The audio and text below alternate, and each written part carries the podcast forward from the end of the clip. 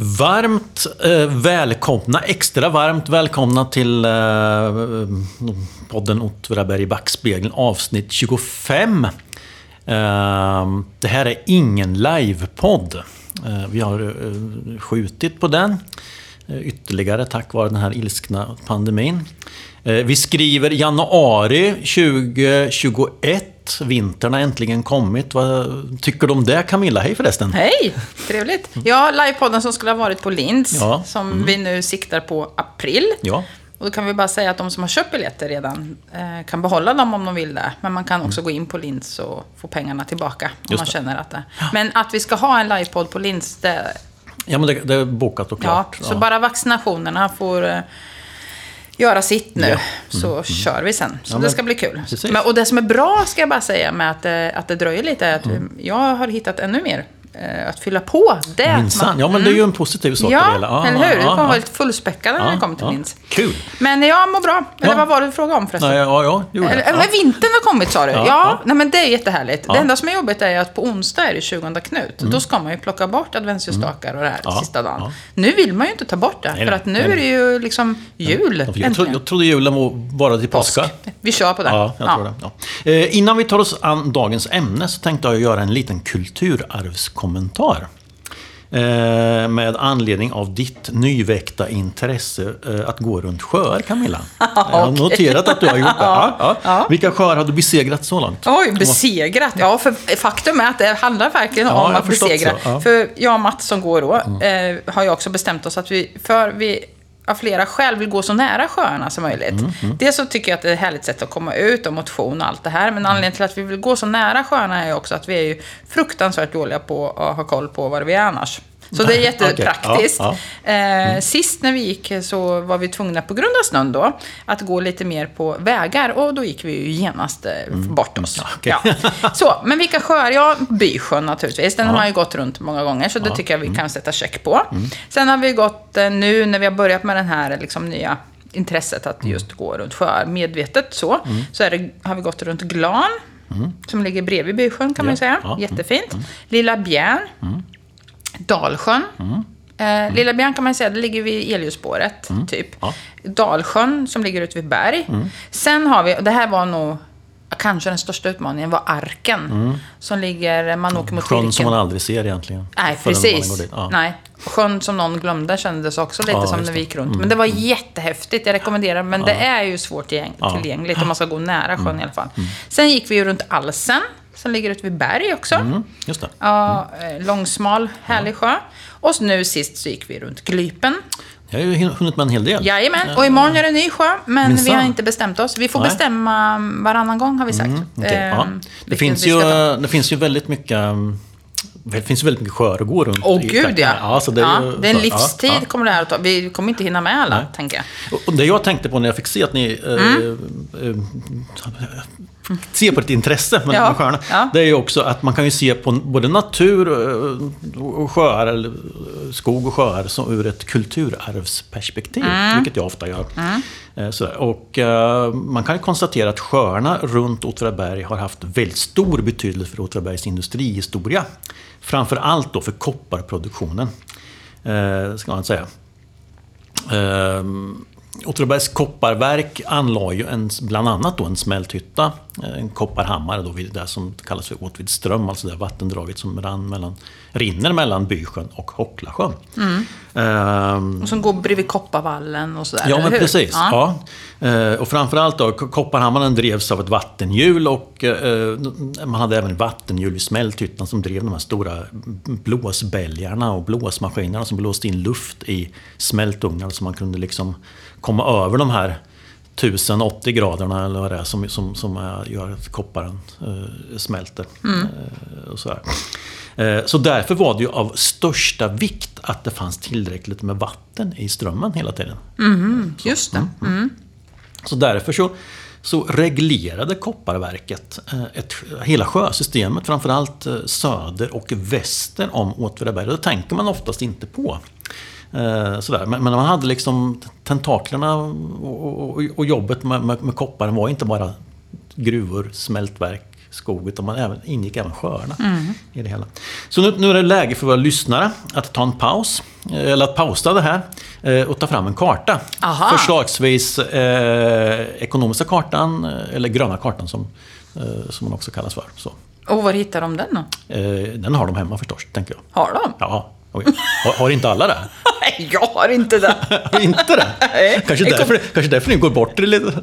Ja, det kan ju vara så. Men jag, man hittar ju allting på nätet, så jag tänker, där kan man väl kolla. Ja, men jag är jag är lite gammaldags. Ja. Jag tar gärna fram Ja, en, nej, men en- jag en rekommenderar papperskarta. nätet. Men vi tar en paus här nu då. Ja. Lite pausmusik. Ja. ja, då var vi tillbaka igen.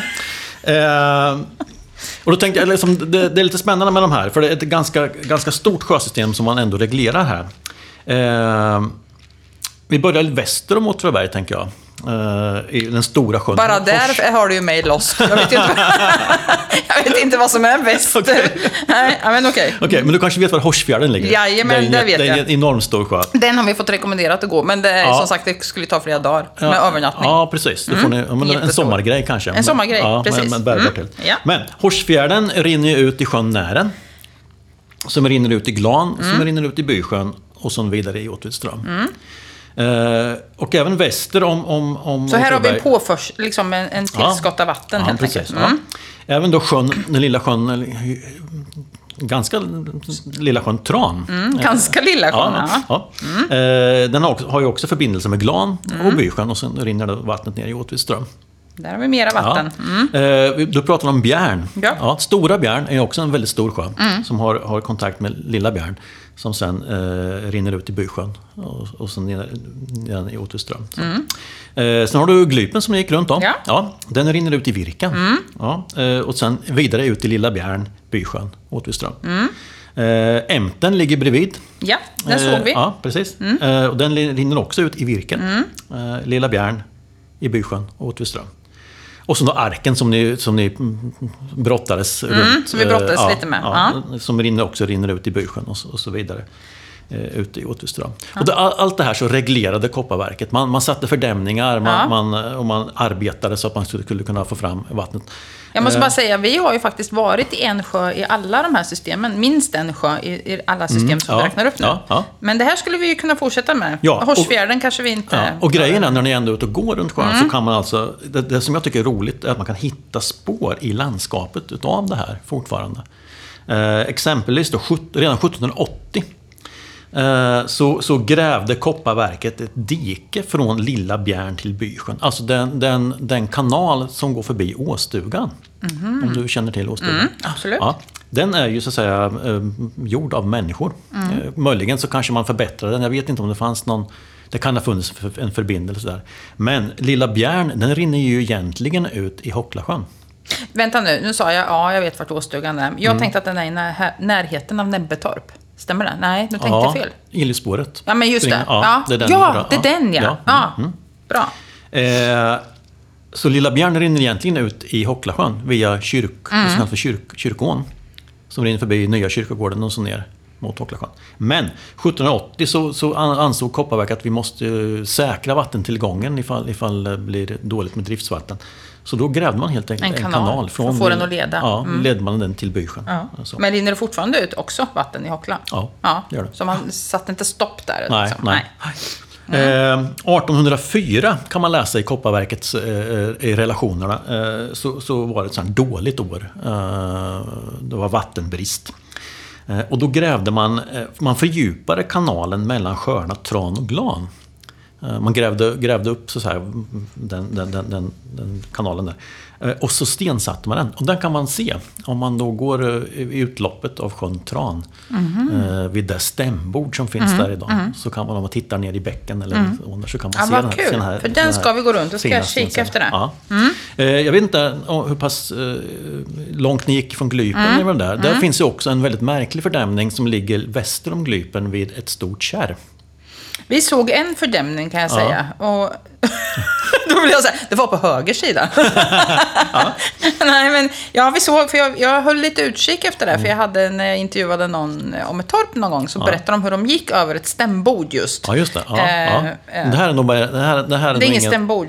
Jag har nog, han, jag såg han, ett han, han, stämbord, har nog ja. suttit där, ett där. Okej. Men det, det är som en jättestor mur, som var en stensatt mur som man satt upp mitt i landskap, mitt i skogen. Ja, Ja, eh, på, sidan om, på sidan om vägen. Eh, en grusväg som är där Eh, och det är lite häftigt för man kan hitta sådana här märkliga Ja, saker runt det är om i landskapet. jättekul. Ja, för det förhöjer ja. ju verkligen. Ja, så antagligen har man dämt upp kärret på något sätt där, Ja. för att kunna leda vatten till, Aha. eller leda bort. Mm. vatten eller, eller, så. så. Vi ska gå flera gånger runt Klippen. Eftersom vi gick lite fel så har vi sagt att vi ska... Och vi vill gå närmare sjön. Även, det gjorde vi på ena sidan, men inte som sagt Nej, på den nej. andra. Så då ska jag kika efter det nästa gång. Men, men det är lite häftigt ändå Mm. tycker jag med det här, det här sjösystemet och dess betydelse just för... Verkligen. Mm. För, aha, så. Men det var en, eh, en liten eh, kommentar, en parentes. Nu, nu Camilla, nu går vi över till dagens huvudämne. Mm. Just det! För vi har ju ett eh, ämne för dagens Ja, podd. precis. Ja, ja. Och jag tänkte så här. Tänk, tänk att det redan har gått 20 år sedan millenniumskiftet nu. ja, visst. Det är ju... Det är ju helt galet. Tiden går. Och det är ju ändå någonting som vi som är historiskt intresserade se- måste säga att vi gillar att tiden går. Absolut. Då. Ja. Ja, så vi har något att prata om. Eh, och det jag har tänkt och föreslagit för dig var att vi skulle kika lite på hur läget var på olika sätt i Åtvidaberg för exakt 100 år sedan. Just det. Alltså, Mm, ja. när år 1920 hade, gick över till 1921. Ja. Vad hände här i Åtvi i januari och februari månad framför allt? Precis Mm. inledningen av nya året. Och jag kan lova, i alla fall för egen del, att i många sammanhang så häpnar man. Eh, lite beroende på om man tycker att 100 år är lång tid eller inte. Jag tycker inte att 100 år är så lång tid. Eh, och då tycker jag att gisses att det var att, att, man, att man diskuterar de här sakerna för så kort tid sedan. Ja. Men eh, jag är ju å andra sidan 50 år också, så därför så tycker jag ju inte att 100 år är så lång tid. Nej. Jag har gjort hälften på 100 år själv. Liksom. Mm. Men innan vi går in på Åtvidaberg så tänkte jag att det kan vara intressant att se lite vad som hände i Sverige i början av året. Mm. Ja, det är väl Alltså, helt på sin plats kan ja, jag tycka. 1921. Och här har jag bara valt ut lite saker som jag tycker är spännande. Ja. Och det finns, ju, det finns ju en sak som är, tycker jag, som, som, är, som, som du tar upp här. Som är Tror väldigt, du? vikt, är väldigt viktig. Ja. Eh, som händer Ja, 1921. ja. ja, men okej. ja. Då får du säga till. När du, ja. Men det införs två nya lagar i inledningen av året. För som sagt, vi tittar på januari, februari bara nu, inte hela 1921 egentligen. Men två nya lagar. Och de är intressanta tycker jag främst ur ett kvinnoperspektiv. Och det är väl, kan jag väl säga, kanske framförallt här man kan häpna över att det inte är, att det inte har gått längre tid eller att det, det var inte länge sedan kvinnors förutsättningar, så kan jag säga, såg helt annorlunda ut mot idag. Och jämställdhet som vi pratar om idag eh, var egentligen något helt främmande. För det som införs då den 1 januari 1921 är en ny giftermålsbalk. Mm. Eh, och det är i och med införandet av den som svenska kvinnor blir myndiga. Oavsett om de är gifta eller inte. Så det är bara hundra Ja, år tillbaka ja. till. Jag ryser när jag tänker på det. Ja. Och tittar man lite tillbaka på det här då, så år 1865 blev ogifta kvinnor automatiskt myndiga när de fyllde 25. Mm. Alltså det krävde att man var ogift. Så fort man gifte sig så var man omyndigförklarad egentligen. Man Ja, fick en förmyndare i sin man. Ja, ja. År 1884 så sänktes den åldern till 21, men då krävdes att man var ogift. När de sen gifte sig, som sagt, eh, vilket de ju allra flesta också gjorde, eftersom Mm. det dessutom var olagligt att ha ett samliv utanför äktenskapet, så är det klart Mm. man gifte sig, så ställdes hon alltså under sin mans målsmanskap, kan man ju säga. Mm. Men om mannen dog och hon var änka, så var hon återigen myndig, Ja. fram tills hon gifte sig igen. Ja. Mm. Med giftermålsbalken från 1 januari 1921 så blir alltså gifta kvinnor också myndiga. Så att nu är kvinnan myndig från, eh, vad sa jag nu, från 23 års ålder. Nej, vad sa jag? 21. 21, förlåt. Precis. ja, ja, precis 21. Och där i giftermålsbalken så stadgas det även att båda föräldrarna har ansvar för barnen. Så jag vet inte egentligen om det var, det var Mannens. fa, faderns liksom Ja. ansvar så. Eller, ja. Ansvar, eller, eller han, han som bestämde. Han som bestämde, eh, mer korrekt uttryckt. Ja. För jag tänker att det var väl ändå kvinnan som Tog hand om dem, ja. och ja. gjorde det. En, Ja. alltså, Men eh, skulle man skilja sig så var det kanske mer Ja. naturligt Ja. att eh, han eh, var den som var, bestämde. Och det bestäms också i giftermålsbalken, och här är ju lite då återigen apropå jämställdhet, men det bestäms också att barn och hustru ska bära mannens efternamn. Mm. Just det. Den 20 januari, lite senare, eh, återigen då, apropå kvinn, ur kvinnoperspektiv, så antar riksdagen för andra gången och därmed definitivt rösträttsreformen med allmän och lika rösträtt för män och kvinnor som fyllt minst 23 år. Den första gången man slår igen, för, för en grundlagsändring så kräver det att man tar den två gånger då. Första gången var den 24 maj 1919 och det började alltså inte gälla där och då. Eh, utan sen så trummar man igenom det här den 20 januari. Och första valet som hålls när kvinnor också får rösta är ju den 12 september sedan 1921. Och det är ju egentligen det som, det var det jag tänkte på. Ja, jag förstår så det. 1921 förknippas ju oftast med allmän och lika rösträtt. Allmän och lika rösträtt. Precis. Ja, den moderna demokratins intåg Ja, på något sätt. ja. Sen kan man väl säga rent allmänt att 1921 är också tiden efter första världskriget, som pågick till 1918, med depression här i inledningen. Man pratar ju ofta om det glada 20-talet, men inledningen på 20-talet är precis. djup depression, stor arbetslöshet, eh, vilket vi också kommer att se eh, drabbar Åtvidaberg naturligtvis. Och man har dessutom, och det här är ju intressant med tanke på den tid vi nu lever i, man har ju också precis börjat hämta sig från det som skördade långt mång, många flera liv än kriget, nämligen spanska sjukan. Precis. Mm. Precis som corona så var ju det en influensaepidemi. Och det är den pandemi som tagit flest liv i mänsklighetens historia på så kort tid. Den pågick, och det var ju en direkt följd av kriget också att den spred sig. Den pågick mellan september 1918 till juni 1920. Och för att sätta det här i lite perspektiv till corona då, så i spanska sjukan så dog, och det här säger ju lite, mellan 50 och 100 miljoner människor i världen. Man kan alltså inte eh, säga det Nej. mer precis Nej, än så. Eh, varav ungefär 35 000 var svenskar. Jag har också sett siffran 38 000. Och det är väl samma sak där, det är svårt att säga exakt. Också intressant i relation till corona, tycker jag, är att utmärkande för spanska sjukan var att den främst drabbade unga. Ja, I övrigt friska personer. Ja. Mm. Nästan alla som dog var under 45 år. I vanliga influensaepidemier är det ju precis som med corona ehm, gamla personer med underliggande sjukdomar eller barn, gamla och personer med underliggande sjukdomar som drabbas värst. Ehm, och tittar man på spanska sjukan och hur många som infekterades så var det ungefär en tredjedel av alla människor i världen. Så ska man känna...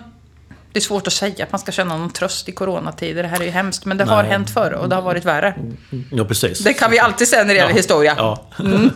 Det har varit värre. Ja. Det man inte visste, tänker jag, så här i början av 1921, när man precis har hämtat sig från ett stort världsomfattande krig, var att det, det bara skulle dröja 18 år innan ett nytt världskrig skulle bryta ut. Och man kan se det redan nu. Eh, för redan i slu- eller man kan se tendenserna när man tittar tillbaka. Redan i slutet av juli 1921 så tar ju Adolf Hitler över som ledare för det nationalsocialistiska tyska arbetarpartiet. Med oinskränkta maktbefogenheter. Och i november 1921 så blir Mussolini ledare för Italiens fascistparti. Men vi ska också nämna att i maj 1921 så tar den svenska riksdagen med stor majoritet beslut om att inrätta ett rasbiologiskt institut i Sverige i syfte att hindra brottslighet, alkoholism och sinnessjukdom. Eller, som man säger, hindra tillkomsten av ur olika synpunkter icke önskvärda samhällsmedlemmar. Och det här institutet är det första i sitt slag i världen. Det kan vara viktigt ändå att ha Ja, det precis. perspektivet Och med sig. lite grann, utan att, att vi ska fördjupa oss i det, så kan man ändå känna att vi är, vi är lite grann där och tassar igen, kan jag tycka.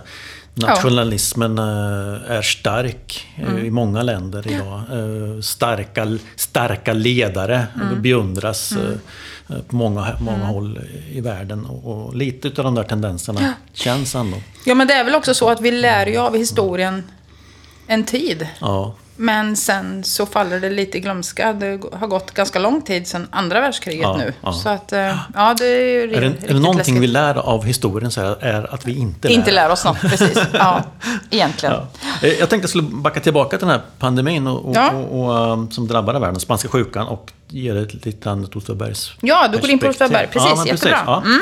Ja. Eh, och det är spännande. Den, första personen som noteras död i, dödboken då, i spanska sjukan är den 19-åriga Sigrid Dorotea Jonsson, boende i Åtvidaberg. Mm, Då bekräftar hon här under 45 års... Ja, precis. Ja. Hon har Okej. till också ett hjärtfel. Det står ja, mm. spanska sjukan plus hjärtfel står det tror jag, i dödboken. Så. Hon dör den 21, 28 juli.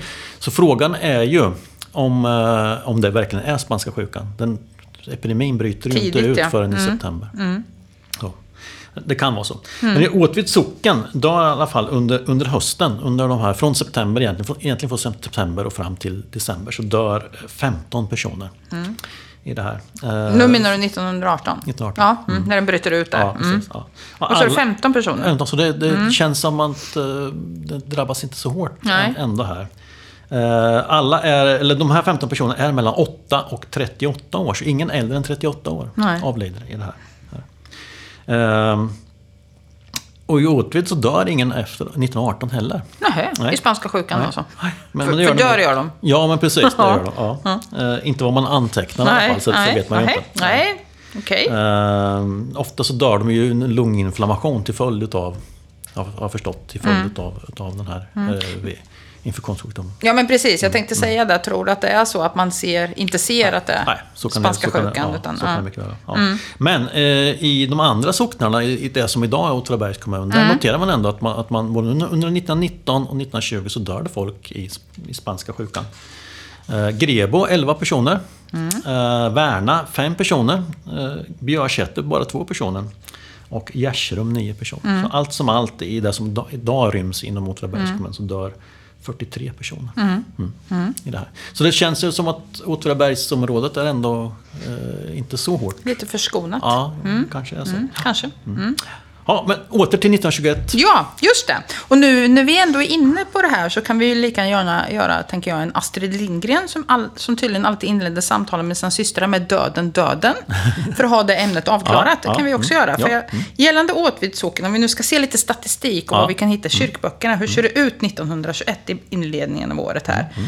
Eh, då kan vi se att eh, sammanlagt så dör, just då, döden, 14 personer. Ja. Fyra personer dör till följd av ålder, resten i olika sjukdomar. Eh, Och för att balansera det lite så, så föds det nästan lika många, nämligen 13 barn. Och ser vi på ut och inflyttningar som jag också har kikat lite på då, hur ser det ut? Januari, februari, så flyttar sammanlagt 20 personer ut och 7 personer flyttar in. Mm. Och för att sätta det i- sin tur i ett sammanhang för hur många personer bodde egentligen på orten vid den här tiden. Eh, jag såg en siffra i, i kommunpappren att de säger att kyrkskrivna i Åtvids socken 1920, eh, i slutet av 1920 var 2017 personer. Det, jag vet inte, de flesta var väl kyrkskrivna, men det här låter lite Det låter lite. Ja, det kan ha varit tätorten kanske? Ja, Eller? just det. Eh, Tittar vi Åtvidabergs historia så pratar de om 3000 i tätorten Ja. 20. Och sammanlagt, om vi nu räknar in de här socknarna, Grebo, Mm. Värna, Björsätter och Gärsrum, 5000. Men någonstans där, så att vi, vi vet. Mm, det är inte, vad är vi idag? Är vi 10 000? Ja. Ja. ja. Man är, jag tror man är i början på 20-30-talet så är man uppe Åtvidaberg i, i samma befolkningsmängd som man var under den storhetstiden på 1800-talet. Aha. Det har varit en svacka. Ja, just det. tillbaka Ja, grann. Ja. Så, och förutom de här in och utflyttning och hur många som föds och hur många dör, så förrättas det en vigsel i Åtvidaberg i januari, februari, nämligen den 16 januari. Mm. Och du pratar om de här andra också socknarna som idag hör till Åtvidaberg. kan man ju också kika lite på. Då. Grebo. För 1921 så saknas födelsebok. Man har inga dödsfall under januari, februari. Och det finns inga siffror för inflyttning. Jag vet inte varför de här böckerna saknas. Men då, däremot så har man eh, utflyttningsböcker och där flyttar en ut under januari, februari. Det är drängen Birger Borg. jag gillade namnet så jag var tvungen det. att ha. Ja. Han flyttar till Flista. Flista, Eh, ja. och det är ingen som gifter sig. I Värna så föds det ett barn, en flicka vid namn Gunhild Linnea. Mm. Två personer dör, en i tuberkulos, en flicka i tuberkulos och en man i magkräfta, alltså cancer. De har inga in och utflyttningsböcker för den här tiden. Ingen gifter sig. Eh, Björsätter saknas det också födelseböcker, Jaha. men däremot så är det sju stycken som dör. Ja. Två kvinnor flyttar in. Eh, alltså om vi tittar inflyttningslängderna. Ja, Eh, fem personer flyttar ut. Tre kvinnor, två män. Mm. Inga vigslar. Eh, det saknas inte vigselböcker, utan det är ingen som nej, gifter sig. nej, Mm. nej. Det kanske inte är liksom... Januari, februari är inte de stora månaderna man gifter sig. Kanske sådär. Nej. eh, Å andra sidan så gifter man sig ju lite mer praktiskt. Ja, men precis så var det Ja, Absolut. Man, ja. man, man planerar ju kanske inte... till midsommar och Nej, sådär på samma sätt. Även om många gifte sig just till midsommar även då. Sen slutligen i Gärserum så föds det en pojke. Under januari, februari här. Sex personer dör. Tre kvinnor, tre män. Och de dö- dör i kräfta, hjärtfel, lunginflammation och så vidare. Sex personer flyttar in. Och två personer flyttar ut till Yxnerum respektive Nordamerika. Oj, ja. Och det är en som gifter sig. Nej, två gifter sig naturligtvis med varann. Men Ja, en ja. vigsel. Ja. Mm. Mm. Så Nordamerika lockade fortfarande? för Ja, det dyker upp då och nu tycker jag. Mm. Så det här var liksom kyrkböckerna och lite sån här statistik bara. Men Mm. jag åkte även till regionarkivet för att se hur, lite hur hälsotillståndet Ja. såg ut. Eh, och där tänkte jag prata lite om Åtvidabergs sjukstuga. Mm. Eh, som ju då fanns på Sjukhusgatan, det Ja, röda huset, ja. mitt emot vilket hus, Roy? Eh, jo, men det ligger åtminstone snett emot eh, Gustav Adolfshuset. Ja, bra där. Mm, I Åtvidabergs sjukstuga så fanns det åtta bäddar Mm. vid den här tiden. Och under januari februari så vårdades här 20 patienter. Mm. 12 kvinnor, 8 män. Mm. De flesta med sjukdomar naturligtvis Mm, och krämpor av olika slag. På en så stod det eh, till och med att han har... Jag vet inte om de tyckte att den här personen var hypokondriker, förstår? Att han, han har alla möjliga olika krämpor, eller någonting sånt. Så lite, mm. Man märkte nästan att läkaren var lite trött på den här okej. personen. Ja. I övrigt så är det två personer som ligger inlagda då som huggit sig med yxa. Och det här är ju också det här, man får ju sån här känslan för tiden, vad det var folk liksom arbetade och sysslade med. Men två personer har huggit sig med yxa. Den ena har gjort det under skogsarbete och en under vedhuggning. Det låter inget vidare. Nej, och det var nog ganska Vanligt, vanligt ja. tänker jag, har varit eh, sådär. Ja, det är klart att det var. Man hade vare sig skydd och man eh, högg mycket med Ja, yxa ja. också. Två personer har korelaterade skador. ja, Det kan ju låta lite häpnadsväckande Ja. idag, men det var nog också ganska vanligt.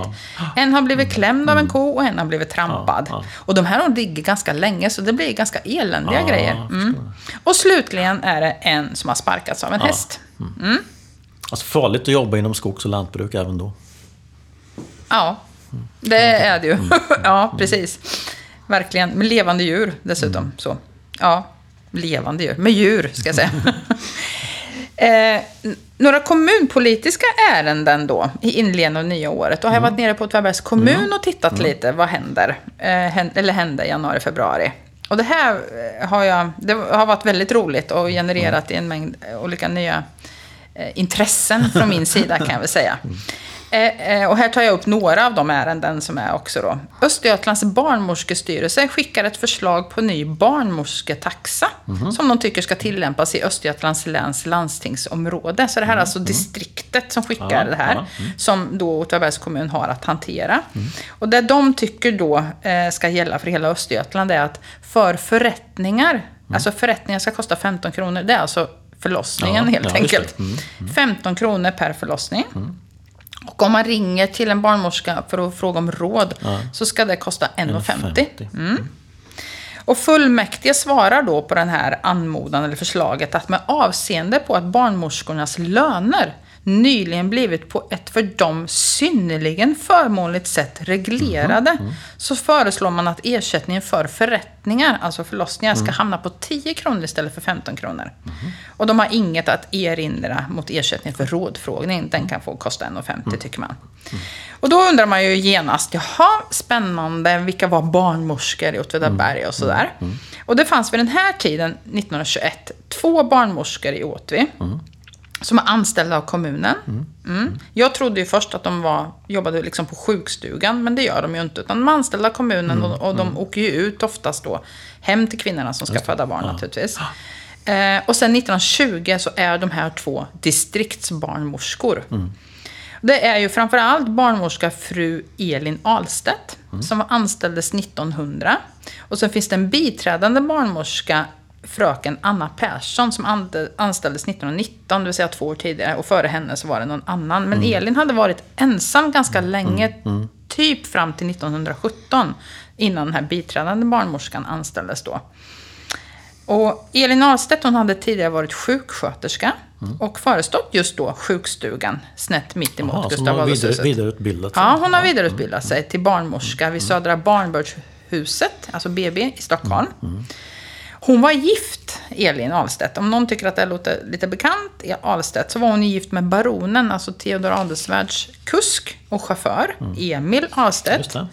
Han hade, Emil han hade kommit till baronen redan som typ 12-13 år gammal och arbetat som betjäntpojke och stallpojke för honom.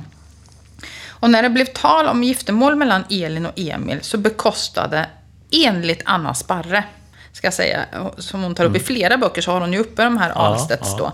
Eh, Så bekostade Theodor, eller pappa som hon säger, kör och ridskola för Emils del, så att han kunde då bli chaufför. Och barnmorskeutbildning för Elin. Men det är den enda uppgiften som säger att det är Theodor Adolfsvärd. Men det är ju intressant. ja. Därför att jag tänkte att det låg ju naturligtvis också i baronen Theodor och hans hustru Louise deras intresse att det fanns en bra barnmorska. För det är ju precis för den här vevan som de själva ska Mm, Ja, ja, få barn, precis. Ja, tänker jag. Det kanske var en person som de litade på, som tyckte om att lita på. Ja, men precis. Och mycket riktigt så är det också Elin som hjälper de adelsvenska barnen till världen. Och vid ett tillfälle så hittade jag i kommunarkivet att hon tar tjänstledigt för att åka till Stockholm och hjälpa till när Louise eh, föder Ja, ja, barn ja, där. ja. Bland annat Anna själv, för det här beskriver Anna i en av böckerna, att Elin var där då. Eh, Men det där med barnmorska är intressant, för det är Mm. någonting som då provinsialläkaren eh, på orten här ända från mitten av 1800-talet hade kämpat för. Att socknen skulle anställa utbildade barnmorskor. Mhm. Eh, till, till skillnad från de här jordemödrarna som, Ja, som, som det. läkarna inte Ja. Mm. gav mycket för. Eh, De ritade kors på magen och de, alltså de, han, han, han, de har pratat väldigt mycket förklemande.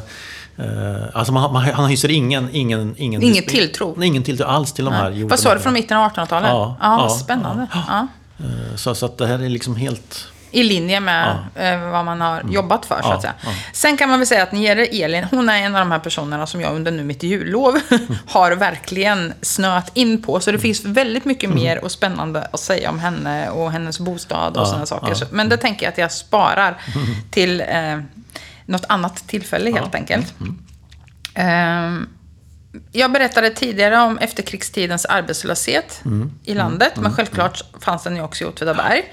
Och det kommer in en skrivelse till Åtvids skolråd här i början av året. Som Åtvids skolråd har på sitt senaste sammanträde dryftat frågan att under rådande arbetslöshet öka stödet till barn i Åtvidaberg. Som nu tydligen erhöll gratis mjölk.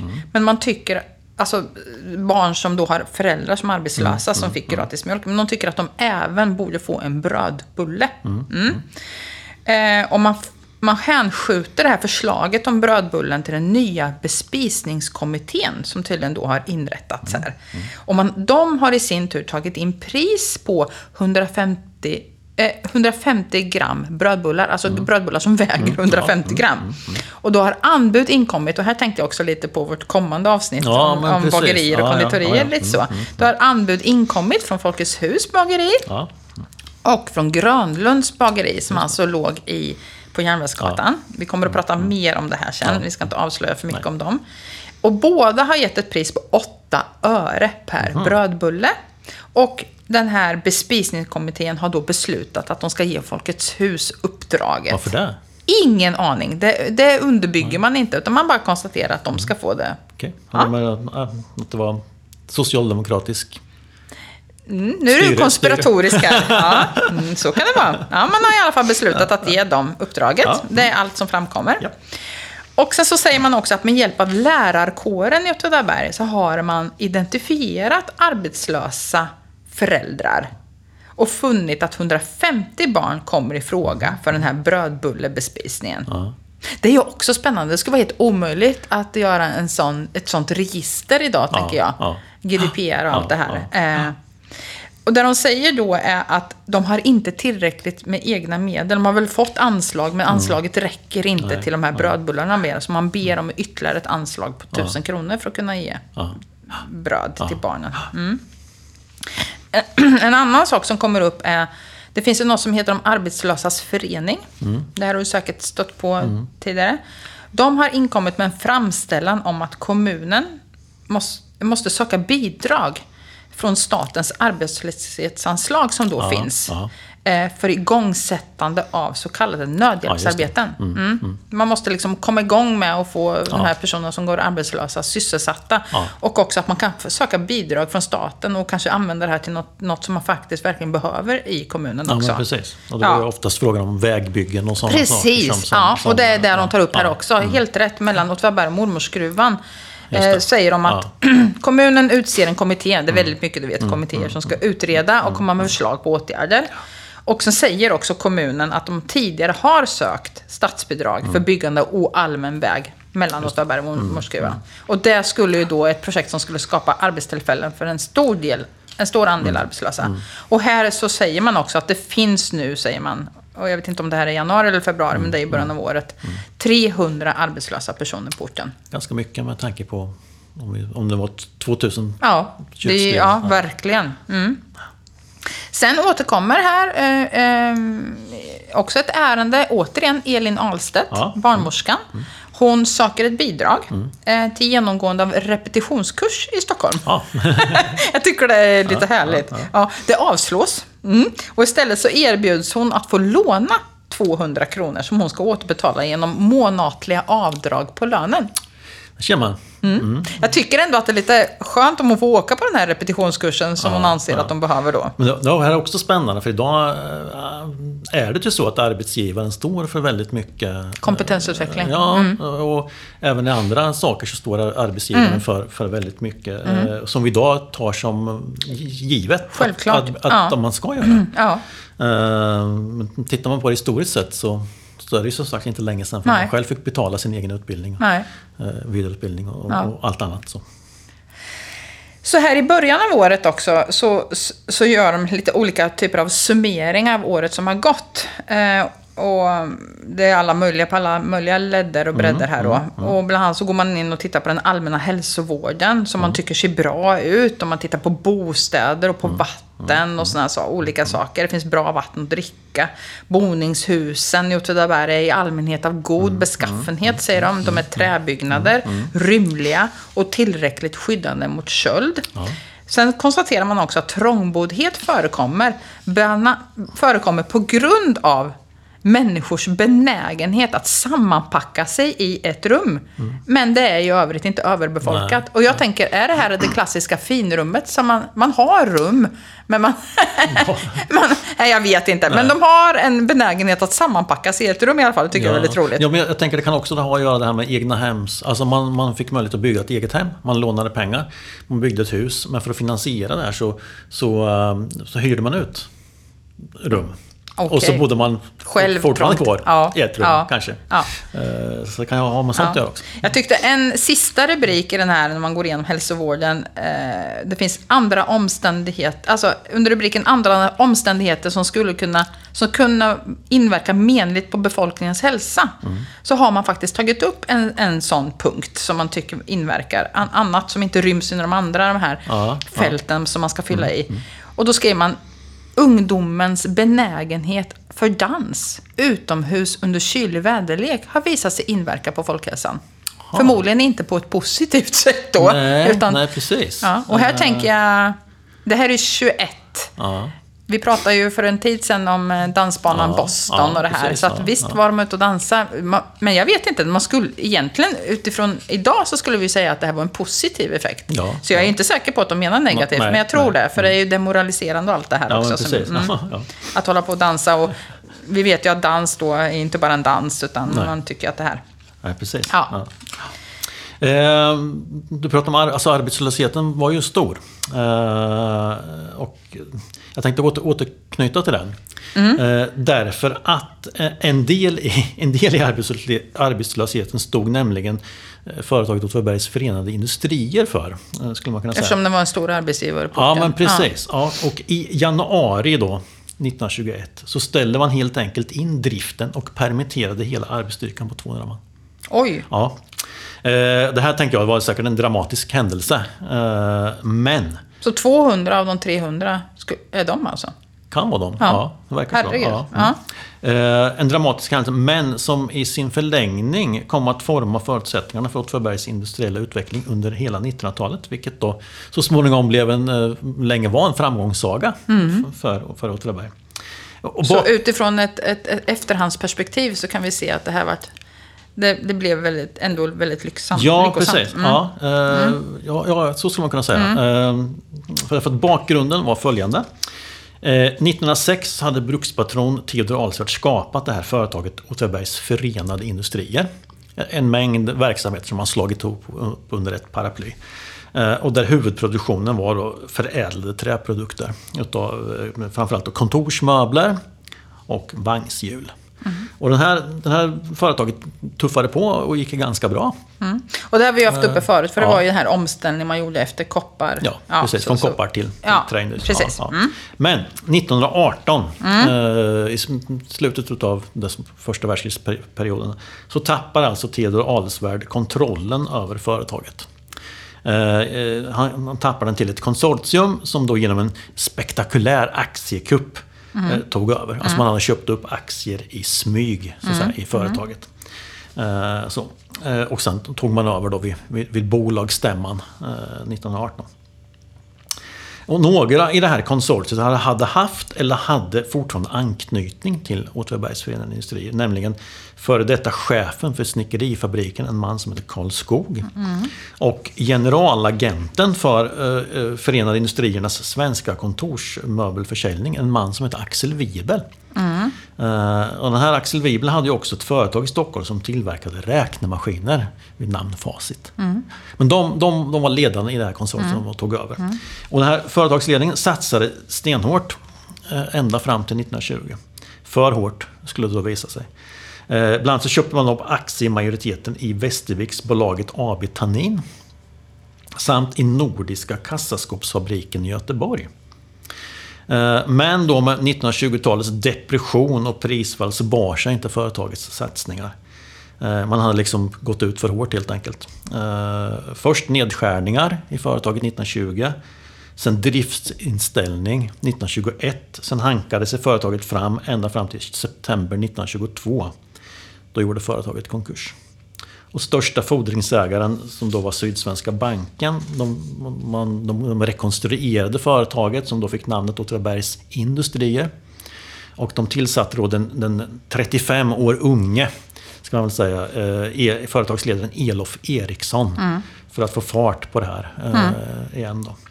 Och resten kan man då höra om man är nyfiken på och vill rekapitulera det här så kan man höra det i avsnitt 13 och Bra. avsnitt 15 utav, Ja, utav podden. Precis, Ja. och jag tänkte precis på det, därför att det är ju faktiskt precis ett år sedan vi spelade in första avsnittet av Facit, Mm. Ja, det här avsnitt ja, 13. Så att, eh. Så det här är liksom upprinnelsen till själva eh, företagsomvandlingen kan man säga. Och, och att då eh, E- E- Elof Eriksson kom på plats i Åtvidaberg. så Mm. att säga. Ja. Jättebra. Men allt var inte eländigt på grund av depression och prisfall i Åtvidaberg här. Åtminstone inte om man var köpare. Nej. Eh, I en notis eh, som jag, kom, eller som jag bläddrade förbi här i tidningen Östgöten kunde man, kunde man under, rubrik, under rubriken Billig hårklippning i Åtvidaberg läsa. Prissänkningarna börjar även sprida sig i Åtvidaberg. Senast meddelas att Mars raksalonger måndagar och torsdagar klipper även det längsta hår för endast 75 öre. Ett pris som enligt lekmän är helt under självkostnadspris. Oj, oj, oj. Mars raksalong. Vart låg den? Eh, jag tror den låg på Järnvägsgatan. Ja. Mm. I det här Det huset tror jag som, som brann upp. Som brann, Ja, som brann ner. Brann ner. Brann upp ja, eller brann ner? Det där är spännande. Ja. Ja. det ska vi inte uh, Fördjupa. oss i. Men även det längsta håret. Även alltså, det det är ingen skillnad Nej, på... precis. Nej, Nej, vad nej, spännande. nej, nej. 75 öre. Man undrar vad det kostar annars. Ja, precis. Mm, Eh, Mm. S- Kul ju. Eh, slutligen tänkte jag, en, en, som jag då inte kan låta bli att även... Jag måste ju naturligtvis också titta på händelser för 1921 i början av året. Ja, ja. Föremål, eller händelser som blir föremål för häradstinget. Alltså domböckerna. Just Det. det. är ju mitt, eh, det material som jag tycker är absolut mest spännande då. 1921. En, fab, en fäbless du har. Pre- lite så, en liten sån som jag har. Ja. Eh, och jag kikar på eh, de saker som kommer upp där då i början av året. Man kan säga att huvuddelen av de fall eller ärenden, sex stycken, det handlar om personer som har varit onyktra. Alltså f- saker som, nu vad, vad, vad, liksom kommer folk, varför blir de kallade till tinget Ja, då och, ja. ska liksom få straff så. Ja, i allra flesta fall, då, sex stycken, så är det personer som har varit onyktra på all, o- allmän väg. Alltså inte helt så har också då den här överbelastningen av starka drycker eller fylleri även inkluderat förargelseväckande beteende. Det kommer som en liten naturlig följd ofta. Eh, och inte helt sällan så har det också inkluderat våldsamt motstånd mot tjänstemän. Ja, just. Mm. Och i ett fall som jag hittat då, så har en onykter person med våld även försökt frita en av polisen anhållen annan onykter person. Så det är lite sådana dramatiska händelser Man- kopplat till det. I, I det fallet kan man säga att ingenting... Så- olikt. Nej, nej. Eller hur blir det? nej, Ja, precis. Det är så likt. Ja, ja, ja. Och sen är det ju alltid, tycker jag, så spännande när man nämner platser sådär. För det Mm, här, och allmän väg, det är att man då går ute och liksom... eh, En sak var ju att sitta hemma och Mm, bli onykter, men att då springa ute och bete sig. Så, och då nämns eh, bland annat Stenhusgatan vid ett fall, eh, Järnvägsgatan, men även en baltillställning vid den gymnastiklokalen. Mm, här är någon som har hållit på och Okej. Varit onykter. Mm. Och jag tänkte jag skulle berätta om ett av de här Ja. fallen. Ja. Och det här äger rum, som jag tror då, mitt på dagen den 5 juni år 1920. Därför att det är ju så att det kommer ju inte till tinget förrän efter, så att det, det Nej, äger inte rum nej. 1921 utan 1920. Och det här kommer upp till tinget åtminstone vid två tillfällen. Det är inte ovanligt att man skjuter fram utslaget liksom så. Kallar flera vittnen Men, och sådär. men utslaget är 21. Det är i början av Ja. 1921. Mm. Eh, utanför ditt hus, där du bor Mm. idag, Roy, utan att nämna vart det är, så kommer två, kanske tre män Mm. gåendes, eller man kanske ska säga att de kommer raglandes. De går i riktning mot eh, torget. Ja. Så här avslöjar jag lite ändå. Och de är absolut inte sams. De är långt ifrån sams. I själva verket så är det så att det är de berusade och arga rösterna som gör att du tittar ut genom ditt fönster. Ja. Mm. Okej, ja. Eh, längre ner på din gata, i riktning mot eh, parkeringsplatsen, säger jag här nu. Nu måste jag nästan säga vilken gata det är. Det är ju ja, du bor på. Jag hade tänkt avslöja det, men ja, det blev lite tokigt. Men längre ner på din gata så står en annan person och ser efter de här personerna, de här fulla två eller tre männen då. Och hon heter Emma Bergqvist. Och när hon senare kallas att vittna i tinget så tituleras hon kaféidkerska. Och hon förklaras då driva ett café i sitt hem. Här. De säger inte Verksgatan, utan Nej. hon är kaféidkerska. Och det hette Bruksgatan på den tiden. Precis, det hette Bruksgatan på den tiden dessutom. Och det säger de heller inte, ska Nej, jag säga. nej. Utan hon driver ett café i sitt hem. De båda männen har, tillsammans med en tredje man, berättar Emma, kommit till hennes café och då har de varit helt nyktra. De har beställt kaffe och de har druckit det, plus sitt medhavda brännvin. Ja. Om de var onyk- onyktra när de gick eh, eh, från hennes hem, det har hon inte hunnit se. Hon har varit upptagen med annat. Men när hon nu står i förstugan och precis som du tittar efter de här männen, eh, så ser de också hur de bråkar och brottas med varandra längs gatan. Ja, de håller på och pucklar på varandra här. Eh, och när du Roy följer dem med blicken och trycker upp din näsa där mot rutan för att verkligen se. Ja, ja, för att du är så fruktansvärt nyfiken. händer? Ja, så kommer de fram till stallplatsen som låg ungefär där rotvillan ligger Ja, idag. vid ingången till gymnasieskolan. Ja. Mm. Plötsligt då så hugger den ene mannen tag i den andres hals och så brottar han ner honom till marken. Så ligger de där liksom. Och när du ser dem så ser du bara ett sammelsurium av armar och ben. De brottas vilt här. En annan person som bevittnar händelsen, som också kallas till tinget för att vittna då, det är Vedgårdsförmannen Albert Svensson, som håller på att stänga porten till Vegården i närheten. Och klockan är ett på dagen.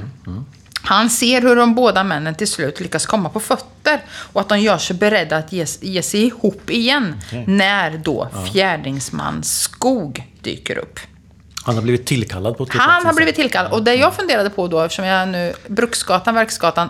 I början av 1900-talet så var han... Mm, han kanske till och med har sett. Han kan också ha stått där i Ja, fönsterrutan, ja. för han bodde ju bredvid dig. Otroligt dumt Mot torget. bråka. Väldigt dumt att bråka här. De är ju onyktra, som kanske inte tänker helt klart.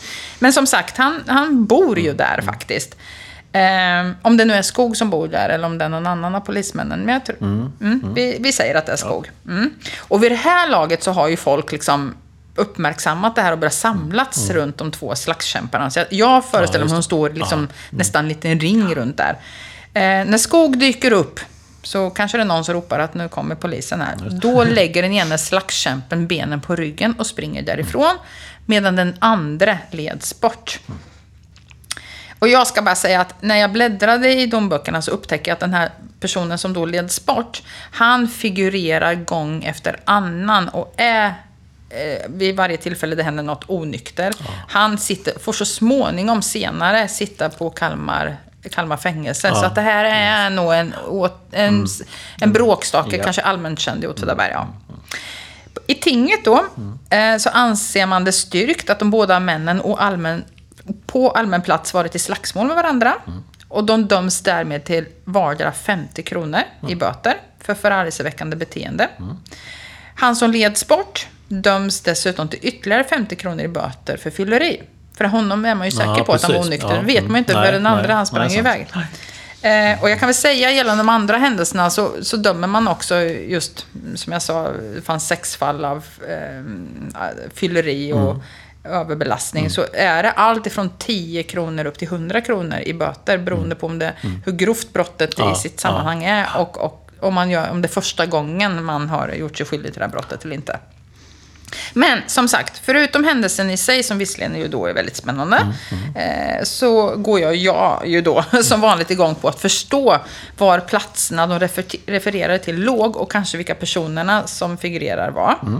Eh, och det jag får veta i domboken egentligen, så här kan man ju ha en annan syn liksom på vart det här egentligen var. Eh, Eh, Men det man får veta är ju att de går vägen fram när de har lämnat kaféidkerskan eh, Bergqvist, Emma Bergqvist.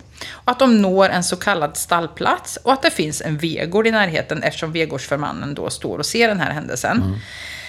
Och det tog ju då flera dagar och, och letande detektivarbete som jag älskar.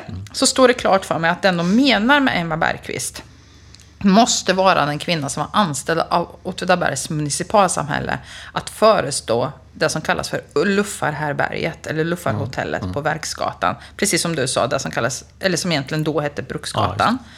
Hon kallades då för, för Mor Bergqvist. Mm. Sen har jag luskat hit och dit för att förstå var de båda männen, eller de tre männen, hur många de nu var, gick och kom ut. Och det troliga är ju då att de gick där som vi idag kallar, eller som idag heter Verksgatan, fram mot Gamla torget. Där det faktiskt låg en stallplats för två hästar. Och nere vid gropen har jag förstått att det fanns en vegård. Sen fanns det väl stallplatser och så lite överallt. Jo, det gjorde det förstås. Så, men, jag ja, tänker att mm. det, det är förmodat så äh, det såg Ja, ut. ja men jag, Eh, jag tänker att du har helt rätt. Ja, vad skönt. Mm. Sen har jag lite små problem med, jag vet ju vart hennes stuga låg och Mm. tänker hur långt kunde hon egentligen se? Eh, Men man kan ju också tänka sig att hon kanske inte är helt ärlig när hon står där och vittnar om exakt hur nyfiken hon var. Det kan ju hända.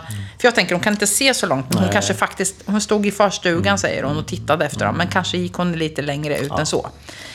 Luffar, men jag sa, hon var föreståndare för Luffarhärberget. Mm. Det i sig är ju också väldigt spännande. Ja. Huset, Luffarhärberget, det står ju faktiskt kvar på Verksgatan än idag. Ja. Det är längst upp på höger sida om man kommer från Gamla torget. Eh, mitt emot det här Luffarhärberget, alltså, och inte på Verksgatan utan upp mot parkeringen om man säger, på baksidan av huset, så fanns ju Emmas lilla bostad. Mm. Och vid den här tidpunkten så var en del av huset också, alltså luffarhärbärget, häkte. Mm. Så det är ju inte helt otroligt om vi tänker oss här nu att den här slagskämpen som Skog fångade in snällt fick gå tillbaka Tillbaka, till, Bergsgatan upp, ja. till typ samma hus som han hade suttit och supit till i. Ja, men så, så var det ju. Så var det ju. Säkert. ja, det är ju jätteroligt att veta det. Eh, Han kom inte långt egentligen. Nej, han kom inte så långt. Han kom Bergsgatan ner så fick han återvända. Utan kaffe och brännvin fick han sitta och skaka galler där ett tag istället. Eh, och luffarhärbärge som sådant kanske också ska kommenteras något. Som hörs på namnet så, så var det ju alltså så att kringvandrande luffare, tänker man då, kom hit för att sova en natt och få sig lite att äta under ordnade former. Eh, och där de gjorde när de kom hit då, vi pratade ju om luffare i förra avsnittet. Mm, ja, eh, kanske lilla Ja, gubben ja, eh, mm, till exempel var här. Då fick han, eh, om han kände att han ville ha en mål mat, Mm, eller och, och sova över en natt eh, på en brits, en träbrits Mm, som han hade där. Så fick han gå och hämta nyckel hos polis, tydligen. Mm. Eh, för polisen var den som var chef för härberget. Eh, han fick anteckna sin liggare för att man skulle ha koll på vilka som liksom kommer. Mm, Eh, och, så. och han fick lämna in sitt betyg. Eh, det här som vi också pratade om. Mm, ja, pratade precis. traska, Man var va? tvungen att ha ett inrikes eh, Precis, pass. betyg. Pass, ja. pass. Och det skulle också stå angivet, tror jag, att man hade rätt att... Jag vet inte om det fanns så här med rätt att. Ja, man, var liksom, man måste ju visa att man hade en ut, inkomst. Eller Ja, men man försörja, att man kunde försörja sig. Och oftast Ja. var det att man, att man i passet stod det var man var på väg. Ja, just det. Att man liksom hade någon, någonstans, att man inte var lösdrivare. Att man, att man hade ett ställe man skulle gå till. Ett Mm. arbete man skulle söka, ett arbete man hade fått. Eh, Och sådär. Att man hade Vilket ju de inte hade, eftersom de var vandrande. Nej, nej. Så att jag tror att de har en särskild typ av stämpel som säger just detta. Ehm, och när de hade lämnat in sitt, antecknat sitt liggaren och lämnat in sitt betyg, så fick de i gengäld en matpolett. Mm, som de kunde lämna till Emma, mor Bergqvist, för en kväll, kvälls och ett morgonmål som ofta då bestod av svartgröt, bröd, kaffe och sill. Ja. Och den här matpoletten lär ha haft det utseendet att det var en numrerad bläckbit. Med Kopparverkets stämpel på. Mm, så den har man med sig dit upp och lämnar det till Emma då. Jag tror det finns några sådana bevarade. Ah. Om man inte minns helt fel någonstans. Ja, gud. Om Ja, det är någon som har en sån. så Ja, vill jag mm, jättegärna se den. Mm. Den lilla stugan då, där Emma, el- eh, mor Bergqvist, bodde. ehm, som låg rakt över, liksom, Mm, mot parkeringen till. Den bodde hon gratis i. Hon fick alltså lön, liten lön för att hon städade Mm, mm. luffarhärbärget. För hon var ju, om jag sa att polisen var chef så var ju hon föreståndare. Mm. Eh, Hon fick en liten lön för städningen och så fick hon ersättning för maten hon lagade. Mm. Och så fick hon bo i den här stugan gratis. Och den är ju pytte, pytteliten. Har du sett den? Ja, Mm. För idag står den nämligen uppe vid hembygdsgården. precis. Så där kan man titta. Där kan man titta Ja. på den. Ja. Och jag la ut en bild på Facebook också på Ja, den nu, ja. Mm. precis. I, vinter, eh, I vinterskrud. i vinterskrud. Kappen i vinterskrud skulle jag kunna ha skrivit. Därför Ja, att stugan kallades för just det, Just kappen. Mm. Sägnen säger att stugan byggdes i början då av en gruvarbetare på Mm. 1700-talet. Som hade nattskiftsarbete. Och han, den här gruvarbetaren då, han lär ha haft en väldigt pratsam hustru. Som gjorde det svårt för honom att sova på, natten, sova på dagarna, för det var ju det han behövde göra. Ja. Hon gick omkring där och pratade så och ville, han ville ha lite sällskap. Och för att få sova i fred så ska han då ha byggt den här lilla stugan som en sovstuga. För sova, alltså kappa lär vara ett gammalt ord för sova. Är det någon som anser? Jag har inte hi- hittat något som bekräftar att det är... Men det är därför den kallas för kappen, Ja. stugan. Ja. Och det gör den verkligen, för att när jag har tittat i kommunpappen från den här Ja, tiden så skriver de kappen. Ja, ja, ja. Och som sagt, den kan man titta på i hembygdsgården dit den flyttades 1958. Ja. Mm. Eh, jag, jag varit intresserad utav, utav, också utav det här när du... När du Mm. jag berättade när du, att jag ja, skulle- Men precis, ja. Eh, s- just stugan i sig, alltså, vi kan börja med namnet, Kappen. Mm. Eh, det finns en hel del bostadshus i Östergötland som kallas för Kappen. Ja. Och det har nog inte att göra med att sova. Nej, okej, Utan bra. de, de är... Alla, alla är väldigt små. De beskrivs som väldigt små. Så det har att Så göra... skulle ta knappen istället. Nej, men alltså, det, har, det har alltså att göra med det gamla rymdmåttet en kappe. Alltså, ja, så för att beteckna en, kappe var ett li, en, litet mått som man vägde exempelvis säd eller alltså torra varor. Och det var ungefär 4,5 liter. Ett, alltså, så det har alltså att göra med att beskriva stu, alltså, att det var en liten stuga. Ja. Plats för fyra och en halv, vad sa du, fyra och en, Fyra och en halv liter. fyra och en halv liter. Ja, så man fick inte vara så stor med bergkvist. Och det kan man ju ja men vad Nej, spännande. Ja, så det har att göra med, med det. Man, man, alltså en ett beteckning för en liten stuga, ja, en kappa. ja. Och det är ju rimligt. Och, och som sagt, jag letar ju mycket efter det här med stallplatsen. Den så kallade stallplatsen säger de. Och det som... Igår, eh, häromdagen då när jag gick upp för att titta på Mo Bergqvists stuga vid hembygdsgården. Mm. Så upptäcker jag ju då, och det här borde jag ju veta att jag, jag har ju suttit i styrelsen för hembygdsgården. men jag visste inte detta. Men bredvid hennes stuga så står det också ett litet stall. Ja. Ja, som en gång i tiden har stått vid Gamla torget. Ja. Det, är lite häftigt. Ja, det är ju helt Ja, galet. ja. Förmodligen så var ju det just det stallet Ja. utanför vilket då det här bråket ägde rum. Ja. Det stod bredvid. Ja. Så det kan man, ja. Eh, jag tänkte själva stugan, den kapp, kappen. Ja, Eh, kappen eller kappen, jag vet inte riktigt. ja kappen säger de. Ja. mm. Den, den verkar inte ha funnits där som urs- ursprunglig byggnad. Eh, På Verksgatan menar du? Nej, så jag har tittat på kartor från, från 1850-tal, 1860-tal. Eh, och den dyker inte upp där egentligen förrän eh, runt sekelskiftet 1900.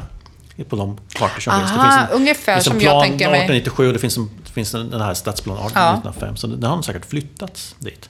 Och jag, och jag, då, som, inte, Mm. jag som, då, som inte ger mycket för sägner i allmänhet. Eh, Tror du att det kan vara den här gruvarbetarens Ja, men jag, jag tänker, det, där, det känns ju väldigt konstigt. En gruvarbetare skulle ha byggt stugan här. Nej, precis. Nej. Och Någon överhuvudtaget så tänker jag att den, den som fick bygga någonting här. Det var ju Åtvidabergs kopparverk. Mm. Ja. så. Så det ska Men- man inte ha fått göra? Nej, men det kan ju mycket väl ha varit en liten stuga som har, som har funnits vid eh, smältverket. Det, Ja. Där bruksarbetarna kunde övernatta. Ja. Eh, ofta de hade ju en övernattningslokal inne i smälthyttan. Eh, för de här som, som jobbar i skift och inte ville gå hem. Eller så. Mm. Okej. Men det kunde ju också funnits någon liten stuga utanför. Det. Ja, Det i då, tänker du? Eller, Malm... Eller här nere. Ja, här nere, ja, just det. utanför så. Ja, Mm. precis. Ja. Så, att, eh, så kan det ha varit. eh, Så. Men att den, att den byggde där på en ur- ursprunglig plats. Nej, utan precis. Utan den är förmodligen ditflyttad. Och som du säger, om det är i början av 1900-talet så jag tror ju att... För förutom Elin Ahlstedt så har jag Ja. under jullovet också snöat in på Emma Bergqvist. Så henne har jag också följt från där hon föds tills i princip hon dör. Och Ja. också följt i kommunpappren vad som sägs och sådär. Så att, och jag tänker också, även där sparar jag mig Mm. lite. Men jag tror att hon... Eh, det är inte helt lätt att säga, men det är rimligt att hon började jobba som föreståndare för luffarhärbärget i bör, alltså vid sekelskiftet 1900. Ja, ja. Men däremot så var det väl förmodligen ett luffarhärbärge tidigare. Ja, men precis. hur gammalt det är? Jo, jo, men huset är ju från början en bruksarbetarbostad. Ja. Eh. Men, men från, åtminstone från 1869, då bruket hade byggt nya bostäder, väldigt mycket nya bostäder under 1850 1860 Mm. Så så, så, blev det här ett... ett, Ja. ett eh, och då, då står det ju, alltså det här med luff, ordet luffarhärberge bär åt fel håll kan jag tycka. Mm. Eh, därför att där, där det beskrivs det då som ett fattighärberge. Eh, 1869. Ja. Och med det menas då ett ställe för, för de som inte har råd helt enkelt att ta in på värdshuset. De har en möjlighet att kunna övernatta. Så. Mm. Eh, Och det är, en, det är en mängd människor som passerar revy. Vi har, vi har pratat om det här förut i, i en podd. Mm. Eh, och tittar man i de här, vi, vi, I Kopparbergs arkiv så finns en liggare bevarad. Där kan man se varenda en som har skrivit in sig i, i, i det här fattiga berget mellan 1877 och 1894. Mm. Eh, och det är en, en mängd människor. Eh, och de flesta är ju inte luffare förstås. Nej, Eh, okej. Utan de allra flesta har ju en yrkestitel och de är, Mm. verkar vara på väg någonstans eller, eller ute efter att söka jobb. Eller de, de reser någonstans helt enkelt och tar in, in på det här. Mm. Det finns några som då eh, där det står att man är lösdrivare. Eh, alltså någon form av... Ja, man, man, jag tycker inte heller om att kalla luffare för lösdrivare. För luff, luffare, luffare ger på något sätt ett romantiskt Ja. skimmer över den här personen som, som drar omkring. Eh, lite grann så här. Ja. Eh, men, men en, en mängd människor som, som, som, som är på väg. Och de får, redan från början så får de alltså poletter. De får, kan få möjligheten att få ett mål mat. Och ungefär hälften av de som passerar revy i, i Fattigberget, eh, eller mindre än hälften, de övernattar också. Men de flesta, de eh, skriver in sig, vilar en stund kanske, äter ett mål mat och sen drar de vidare sen. Eh, Så, så det, det, är en, inst- en institution som, som då har funnits ända sedan mitten på 1800-talet, eller sedan 1869 i alla fall. Ja. Men det är ska- otroligt spännande. Eh, och eh, långväga gäster har de också, det tror jag vi har pratat om förut också. Men nu när jag tittade på det här igen så Mm. fanns det två stycken lite roliga saker. Eh, en, en tysk som, som eh, och, han kan tydligen inte göra sig förstådd. För när man skriver in då hans yrkestitel står det obegripligt yrke. Så, så har ingen aning om. Nej, de har inte ens försökt att liksom stava sig till. Nej, jag vet nej, inte. nej, nej. Obegripligt. Ja. Ja. Eh, ja. Men, men, men man tar upp, eh, man, man skriver in Mm. vilket yr- yrke de har, vad de heter, vilket yrke de har, vart de kommer ifrån och vart de ska. Och eh, om de har ett flyttbetyg eller inte.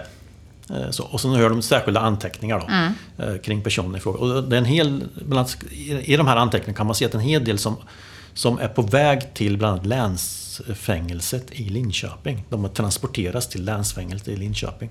Och de, de rastar här, sover över natt kanske. Eller, eller. Aha. Som en, aha. Ja, som, som, det, som en post. Ja. Så, så det, det är en otroligt spännande Ja. liggare där som man skulle kunna göra väldigt måste mycket vi titta mer på.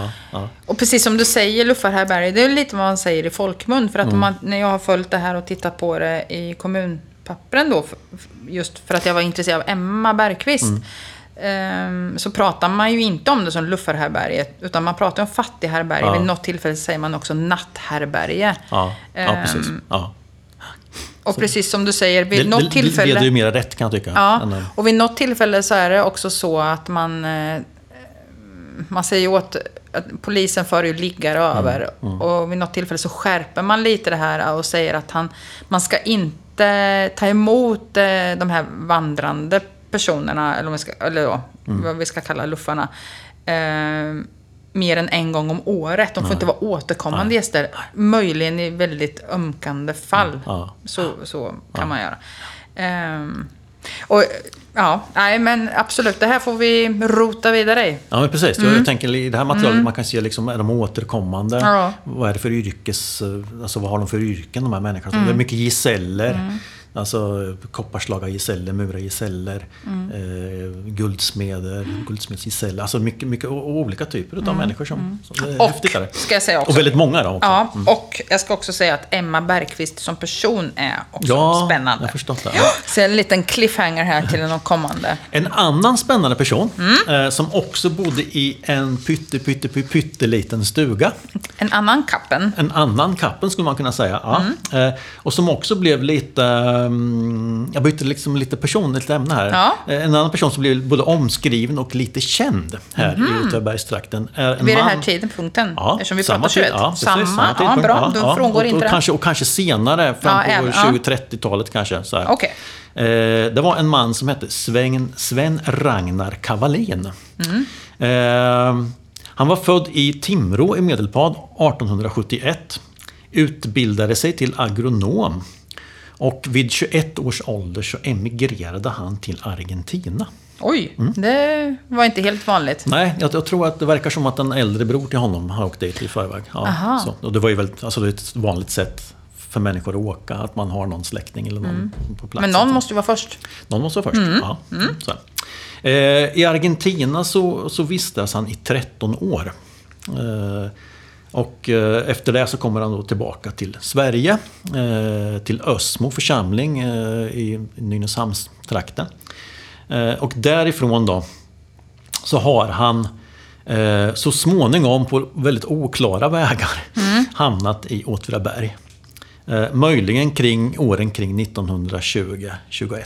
För då, då finns han som du upptäckte i, Ja, just det. Mm. i eh, var det municipalfullmäktiges eller municipalstyrelsens Ja, jag tror det. Ja. Då de diskuterar hans mantalsskrivning. Ja, ja, precis. För han är uppenbarligen inte skriven här. Nej, och, man har eh, upptäckt honom, ja, så att säga. Ja, Mm. precis. Och jag gick igenom Ösmo församlings kyrkoböcker så verkar han inte ha flyttat ifrån församlingen. Mm. Men här, här dyker han upp i alla fall. Eh, Så. Och eh, han, han har först, enligt sin egen utsago, så, enligt de tidningsartiklar som har skrivits om honom eh, i efterhand, så har han först bosatt, sig i en liten stuga på Göthults ägor. Eh, och den här stugan har han sedan, har han sedan monterat ner. Om jag Var, saken får jag fråga, var ligger Göthult? Göthult ligger ju på vägen till Dalhem, kan man säga. Ehm, Götult är ju känd för den här domarringen som finns där. Ja. På de ägarna så bodde han. Sen monterade han ner den här stugan och flyttade den senare till sjön Virken. Nu är vi inne på sjöar igen.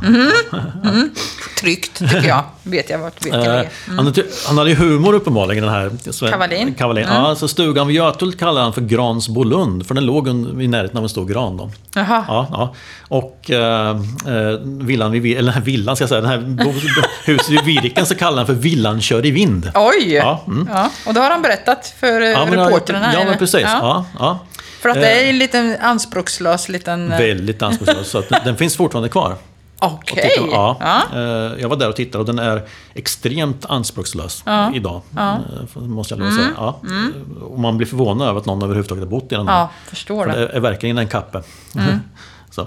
Ja, han, han, vad gjorde han? Jo, han försörjde sig bland annat på att tillverka egenhändigt gjord tallbarrsolja. Som han då sålde till badhus och till privatpersoner. Och den här var särskilt bra mot reumatism, påstod han. Eh, Så. Och anledningen då till hans sj- självpåtagna eremitleverna då ska ha varit olycklig kärlek. Förstås, det är det Förstås. nästan alltid. Ja men precis, och det är ju inte helt ovanligt, eller kanske till och med ganska vanligt, att Mm. udda människor får sitt beteende förklarat på just det här sättet. Ja.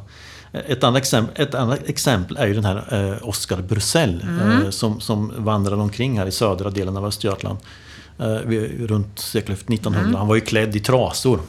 F- eh, Torin har fotograferat honom. Mm. Och han lär väl vara en av de här eh, mest, om man ska säga, berömda personerna som bott just på fattighärberget. Ja, hos. Emma Bergqvist. Ja, Mm, ja, precis. Brussel. Ja.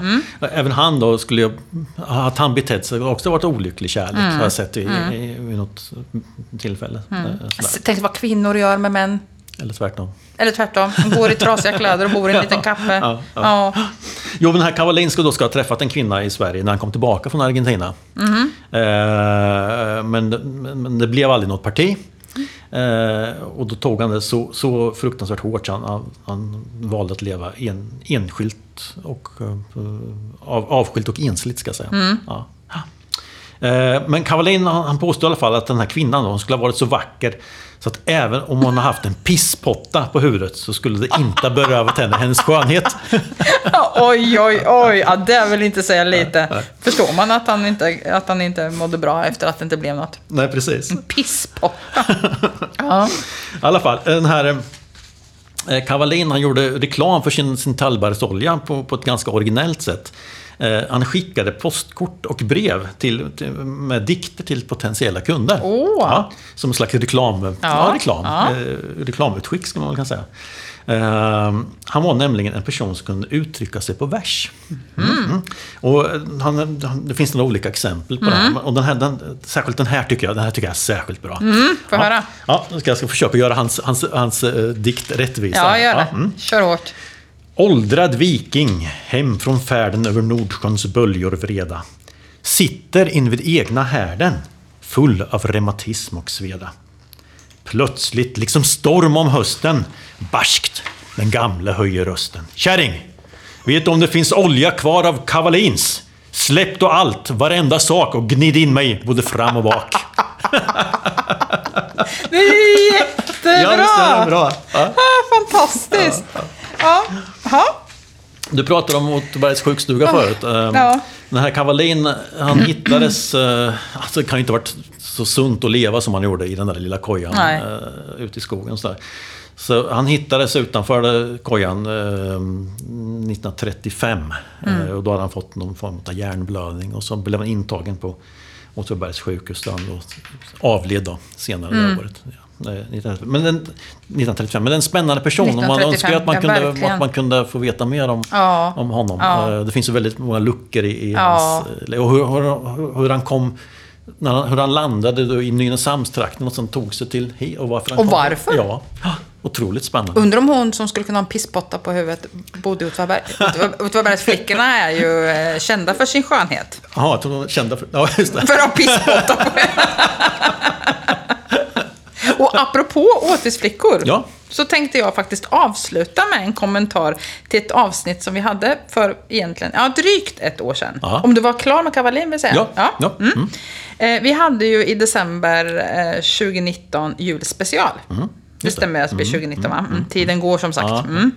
Och då tog vi upp en massa traditioner som hörde julen till. Det är ju fortfarande som sagt lite julstämning, så det känns relevant att ta upp det nu. Ja. Mm, nu när det har kommit snö och allting. Vi, ja, men som hörde julen till historiskt sett med fokus på Åtvidaberg hade vi uppe eh, julskyltning och allt möjligt och massor med traditioner och mat och allt vad vi pratade om. Mm. Bland annat så hade jag upp en tradition som du då följer och tycker är väldigt viktig. Framgick ju i det avsnittet då, då nämligen Lucia-traditionen. Just det. Ja, för att få veta varför det här var roligt så måste man nästan lyssna på avsnittet, får vi säga då. Mm. Eh, och, och det jag pratade om då var ju att man gör det första... Ja, jag var ju nyfiken på vilket som var det första offentliga Lucia-firandet i Åtvidaberg. Där allmänheten fick rösta och sådär. Ehm, och jag sa då att det första Lucia-firandet ägde rum vid OGT 1944. Och att det alltid ägde rum på en lördag så nära Lucia, 13-12 som möjligt. Och att det här då var superpopulär till, tilldragelse med biljetter sålde slut på ett kick. Och i samband med Lucia-firandet så avgick ett fackeltåg från torget. Eh, och då är det nya torget vi pratar om. Och förutom Lucia-tåget med ungefär 50 personer, alltså väldigt många, så hade man ju revy och kabaré och underhållningsmusik där vid OGT, Ordenshuset. Eh, och som sagt, jag letade ju frenetiskt efter vem som var, vem som, alltså personen, flickan då, som Ja, var den första, första, ja. årets Lucia. Och nu har jag hittat henne. Ah, spännande. Ja, jag Då- säger inte vem det var. Och jag har hittat henne i Kopparbladet. Som jag har då. Ja, Ja, okej, och då är det ja, inte så att jag har Kopparbladet från... Nej. Jag tror att de finns. Alltså, vi har ju varit inne på det här tidigare med... Vi, vi har dem säkert bevarade. Ja, ni har det. Ja, precis. Och det kommer man kanske inte på tanken att... Jag, jag tror att de är ganska gamla i och för sig. Men den jag hittade den i är ju från 85. Där man då ta, ta, liksom har skrivit lite historiska texter. Så. Och där tar man upp den. Eh, det här då. Vilket jag ju varit av en slump hittade. Eh, och då så säger man här att första offentliga luciafirandet med Lucia som allmänheten har valt ägde rum 46, inte 44. Mm. Ja. Så det kan vi liksom då. Och här har vi Kopparbladet. Och jag tänkte för det första så måste jag ju visa framsidan. För Kopparbladet har ju lite Ja, OFF-anknytning. precis. Minst sagt. kan man säga. Ja, ja. Eh, och här är ju då spelarna Ja. som spelade 85. Eh, och alla på varsin fin bild med namnteckning. Och Bara det är ju Ja, väldigt ja. roligt. Men här har vi då Åtvids första offentliga Lucia. Och det här är en, man har en berättelse om IOGT NTOs verksamhet. Ah, och det är då man tar upp det. Så titta på bilden här. Här är Lucian med sina tärnor. Och Lucian hette Eva Karlsson Kamitz. Mm. Och tärnorna hette Lilian Söderström, Ulla-Britt Boman, Inger Andersson, Ingegerd Andersson, Gun Ignell och Sonja Mild. Mm. Fint va? Ja. Det här får vi nästan lägga ut den här bilden. Ja, på. en Ja. väldigt vacker bild. Jättefin bild. Och de har ju de här pälsarna på Ja. sig. Och, ja, Ja, ja. Står uppenbarligen utomhus här. Så det, det liksom var bara en, en eh, rapportering från ett gammalt avsnitt. Ja. Förr eller senare så får Förr eller senare. Ja, ja. Och det hoppas vi gäller för Kavalin också. Och det är vi ju alltid tacksamma Mm. för. Är det någon som vet mer om de här sakerna vi pratar om så hör gärna av er. Väldigt välkomna och Kommentera. Ja, ja. Våra mejladress. Ska jag våga be? Ja, men du borde, jag borde kunna den vid det här laget. Ja, ja, ska se. Eh, podcast snabla brukskultur.se. ja.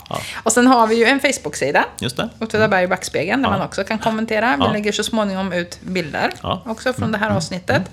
Ehm, ja, ja, det vill jag också göra innan vi avslutar. Mm. Tacka de personer som eh, har, faktiskt har valt att stötta oss.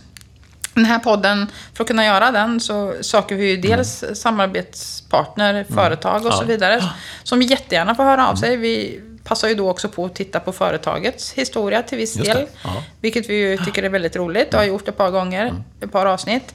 Men man kan ju också stötta oss eh, via att faktiskt swisha. Mm. Och det, en valfri summa. Mm. Och det, de pengarna går ju oavkortat till att göra nya poddavsnitt. Just det. För det är ju beroende av att, vi, att, eh, att få stöttning då. Mm, Och nu var det faktiskt i december månad flera personer som hade Kul. valt att stötta Ja, oss. Och vi vill, utan att nämna några namn, tacka så varmt för det stödet.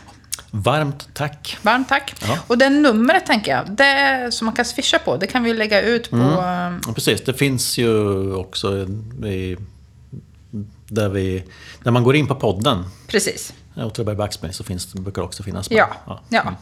Så, eh, ja. Ja, tack för att ni har lyssnat den här gången. Precis. Och... Eh, Hej då!